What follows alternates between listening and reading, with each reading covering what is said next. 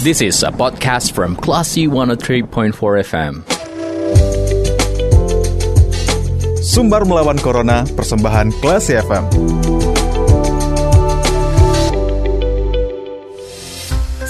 empat kelas FM di Zis The Actual Radio. Kelas People saatnya Anda mencermati Sumbar Melawan Corona, persembahan radio kelas FM bersama saya Dita Indira. Nah, kelas People saat ini untuk masuk hotel dan restoran itu ada kebijakan untuk mesti sudah divaksin. Nah, saat ini Perhimpunan Hotel dan Restoran Indonesia menerima pendaftaran hotel yang harus menggunakan aplikasi Peduli Lindungi.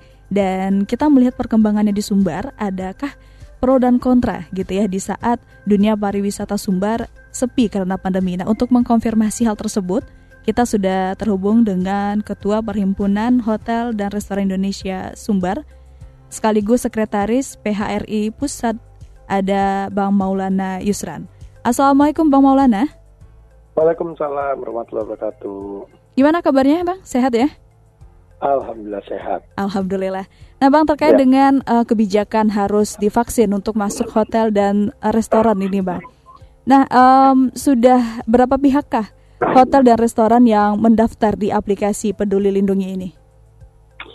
Berdasarkan data kemarin ya sudah mulai karena kita kan baru buka itu uh, pendaftaran itu hmm. uh, hari Senin ya, Senin kemarin ya baru kita mulai buka uh, pendaftarannya khusus untuk Sumatera Barat. Hmm. Karena memang uh, sebenarnya uh, apa namanya pembukaan itu kan masih fokus untuk uji cobanya itu di Jawa dan Bali. Hmm. Namun uh, apa namanya setelah rapat koordinasi uh, dengan Kementerian Kesehatan kemarin terakhir bahwa kita sudah mulai bertahap membuka di secara nasional. Nah untuk itu kalau untuk Sumatera Barat itu kita baru mulai hari Senin kemarin. Nah kalau data yang masuk hari Senin kemarin itu kalau nggak salah udah ada uh, kurang lebih 15 sampai 20 hotel yang sudah mendaftar ya. Uh, apa namanya ter, uh, uh, di area Padang dan Bukit Tinggi gitu hmm. loh. Nah, Baik. Dan... Uh, tapi mereka belum terima ya, belum hmm. terima QR code-nya. Nanti prosesnya itu dari mereka daftar itu uh, kurang lebih 2-3 hari baru mereka terima verifikasi uh, email verifikasi untuk mengaktifkan QR code-nya. Baik. Nah sebenarnya ini kapan efektifnya penerapan aplikasi Peduli Lindungi ini terhadap kebijakan tersebut, Bang? Sebenarnya sekarang ini sebenarnya sudah diarahkan untuk diaktifkan. Hmm. Jadi nanti begitu mereka sudah terima, itu mereka akan uh, sudah bisa menggunakan uh, mengefektifkan aplikasi tersebut QR code-nya. Jadi untuk masuk hotel itu nanti tentu harus menggunakan QR code tersebut. Nah, hmm. menggunakan QR code aplikasi Peduli Lindungi khususnya. Hmm. Nah, manakala masuk pakai aplikasi Peduli Lindungi itu ada empat warna yang harus dipahami nanti. Yang boleh masuk itu hanya hijau dan kuning. Okay. Hijau itu adalah sudah divaksin dua kali, kuning hmm. divaksin sekali ya. Hmm. Kuning itu divaksin sekali. Nah, yang warna merah itu nggak boleh masuk, itu berarti belum pernah divaksin ya, ya satu belum pernah vaksin. Nah kemudian yang kedua yang warna hitam. Warna hitam ini berarti mereka adalah yang kontak erat. Mm-hmm. atau uh, mereka yang kena covid. Itu nggak boleh masuk. Nah untuk yang kontak erat ini nanti mereka di uh, hotel-hotel atau uh, sebenarnya di, diminta untuk menyiapkan ruang khusus lah. Uh, apa terpisah dia sementara nanti untuk di ini kan. Kalau di DKI Jakarta tuh kalau yang hitam tuh bisa dibawa ke wisma atlet istilahnya hmm. gitu. Langsung dibawa gitu. loh okay. atau dilakukan testing. Hmm, berarti di Sumbar memang sudah um, diterapkan ya untuk mau masuk hotel itu harus sudah divaksin gitu ya bang ya? Sudah mulai. Begitu mereka nanti sudah membeli khususnya hotel-hotel besar ya nanti mereka hmm. tuh semuanya uh, apa namanya sudah uh, begitu mereka sudah uh, memprintkan QR code-nya nanti mereka ya tentu harus di, dimanfaatkan karena ada kriteria tertentu yang harus uh, protokol kesehatan yang harus di harus di apa harus di dikomitkan untuk hmm. diman, untuk digunakan untuk hotel dan restoran yang sudah menggunakan QR code. Oke, berarti karyawan hotel dan restorannya juga harus sudah divaksin dong ya, Bang? Iya, benar, hmm. benar. Nah, benar. ini ada itu, berapa itu yang bukan hanya untuk tamu, itu hmm. untuk karyawan juga termasuk. Baik. Ada berapa yang sudah divaksin, Bang? Dari um, karyawan hotel dan restoran ini? Nah itu kita nggak punya datanya ya, karena ini agak rumit nih mendapatkan data hmm. yang sudah divaksin atau belum, hmm. gitu. Ya. Namun pada uh, waktu yang dua bulan yang lalu kan kita membuka sentra vaksin, PRI membuka sentra vaksin untuk uh, tenaga kerja dan masyarakat Kota Padang itu kalau kita data ya dari dari dari pendataan kita tuh udah lebih dari sekitar 1.500 lah ya yang sudah melakukan vaksin ya untuk uh, karyawan itu. Tapi kan sebenarnya kalau kita total di Sumatera Barat itu jumlah tenaga kerja di apa namanya untuk hotel saja tuh bisa sampai tujuh lebih delapan ribu orang. Oke. Okay. Dan untuk uh, pendaftaran dalam aplikasi Peduli Lindungi ini baik hotel ataupun restoran ini memang diwajibkan semua jenis bentuk hotel dan restoran atau ada uh, kriteria hotel dan restoran tertentu yang terdaftar dalam Peduli Lindungi ini, Bang? Semua jenis. Jadi di, di, di online registrasi kami kan kami itu nanti bisa di, di uh, www.perionline.com hmm. slash uh, QR peduli lindungi.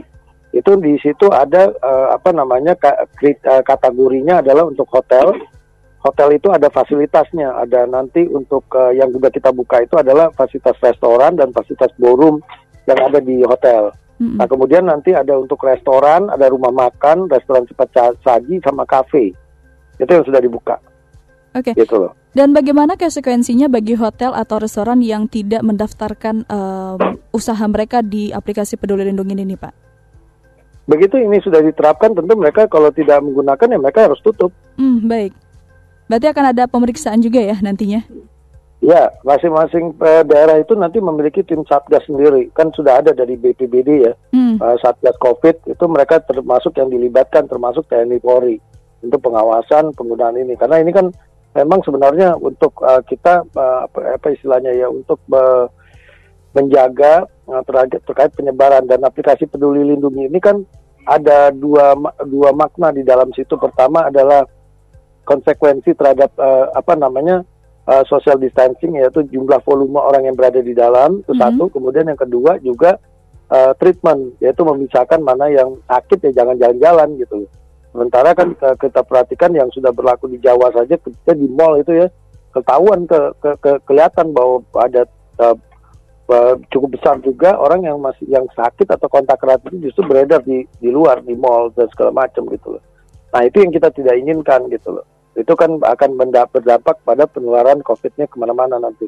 Baik, dan sejauh ini apakah ada penolakan nggak bang dari pelaku pariwisata? Sebenarnya bukan masalah penolakan ya. Kita hmm. ini uh, sebenarnya jadi masalah itu adalah uh, konsekuensi dari penerapan peduli lindungi itu juga jadi utama ya. Karena uh, ada hal yang jadi cukup menjadi perdebatan yang kami uh, selalu uh, apa namanya uh, sampaikan ke pada saat uh, rakor eh, rakor evaluasi terhadap penasehat prokes tersebut. Contohnya gini, hmm. uh, bahwa di pada uh, kan sekarang nih kolam renang kan boleh belum buka belum boleh buka sebenarnya. Iya benar. Dengan peduli lindungi ini kolam renang belum boleh buka, termasuk gym itu belum boleh dibuka, yang fasilitas hotel.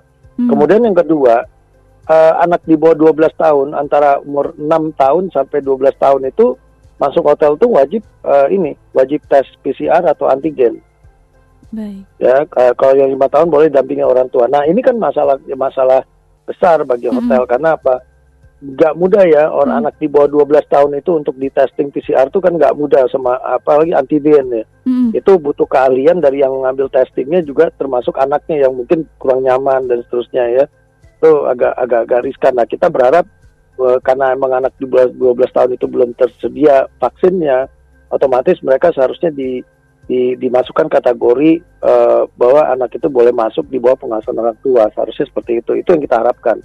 Nah itu yang sering terjadi perdebatan antara tamu dan uh, pemilik uh, dan uh, manajemen hotel karena ya ada ada hal yang juga konflik of interest juga seperti contohnya sekolah daring aja kan eh, sekolah luring aja sekolah tatap muka itu kan sudah boleh dilakukan tanpa adanya testing PCR atau antigen sementara masuk hotel mereka harus testing PCR atau antigen gitu hmm. nah ini yang jadi masalah gitu kira-kira uh. begitu Oke dan perdebatan ini bisa dibilang uh, bentuk kesulitan ya dalam penerapan aplikasi Peduli Lindungi ini ya. Iya, Iya, implementasi di lapangannya itu yang terjadi kesulitan, yang sering terjadi uh, konflik antara si apa namanya si konsumen itu pada saat dia mau masuk. Itu satu hal. Yang kedua, ya bagaimanapun orang uh, semua tamu itu kan sudah membeli kamar itu melalui uh, tidak tidak tidak langsung ke hotel. Mm -hmm. Umumnya mereka membeli melalui aplikasi atau marketplace seperti OTA online travel agent ya, Traveloka, mm -hmm. Agoda atau tiket.com seperti itulah kurang lebih. Nah, mereka kan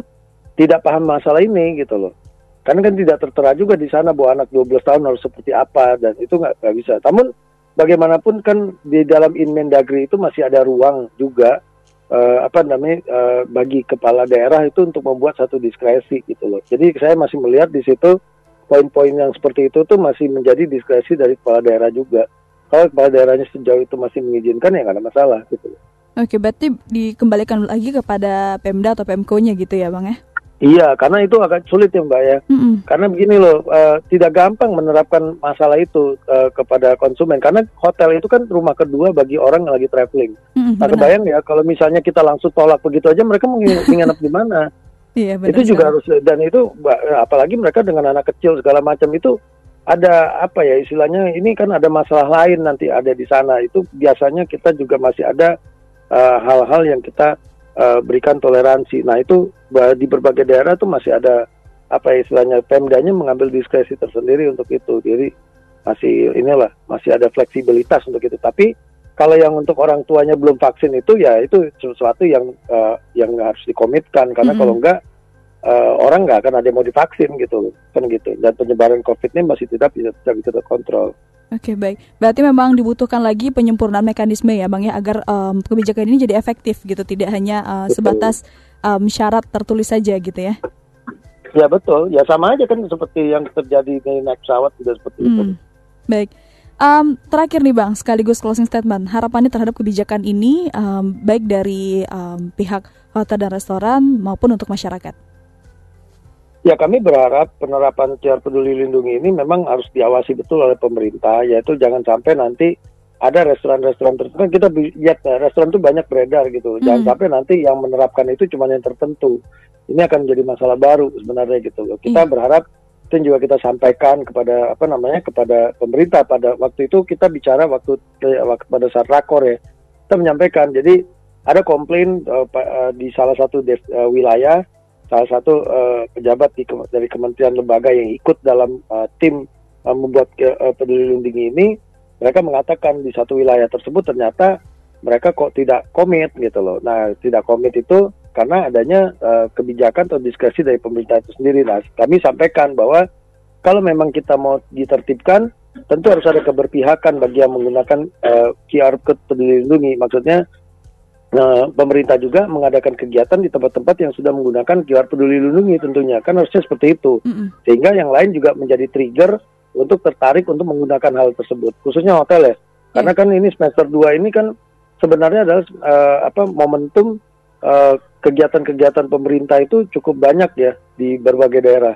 Itu satu. Dan yang kedua, kita tahu bahwa kalau kita bicara pariwisata lah, pariwisata domestik ini sebenarnya bukan leisure gitu loh. MICE itulah yang terbesar kegiatan-kegiatan pemerintah. Otomatis ini yang mesti diatur dari pemerintah itu sendiri. Jadi eh, rencananya pada saat rapat terakhir itu kan Kemenko Market pun berharap eh, akan eh, menyurati dari eh, pemerintah pusat dan kemudian masuk pemerintah daerah untuk komit bahwa mereka mengadakan kegiatan khusus di eh, hotel-hotel uh, atau restoran yang memang sudah menggunakan QR Peduli Lindungi untuk sekalian mereka melakukan sosialisasi gitu. Oke, baik dan kita berharap uh, penyempurnaan me mekanisme ini semakin uh, dipercepat gitu ya, Bang ya, biar lebih ya, efektif ya. lagi dan um, kita bisa sama-sama menekan penyebaran COVID-19 ini.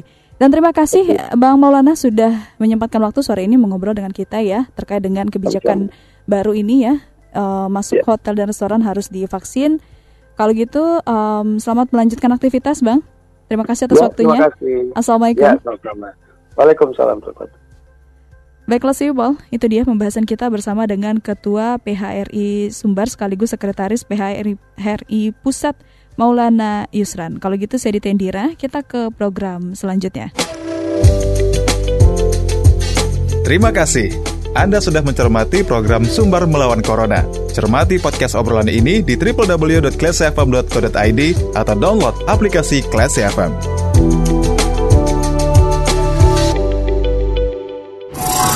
This is a podcast from Classy 103.4 FM.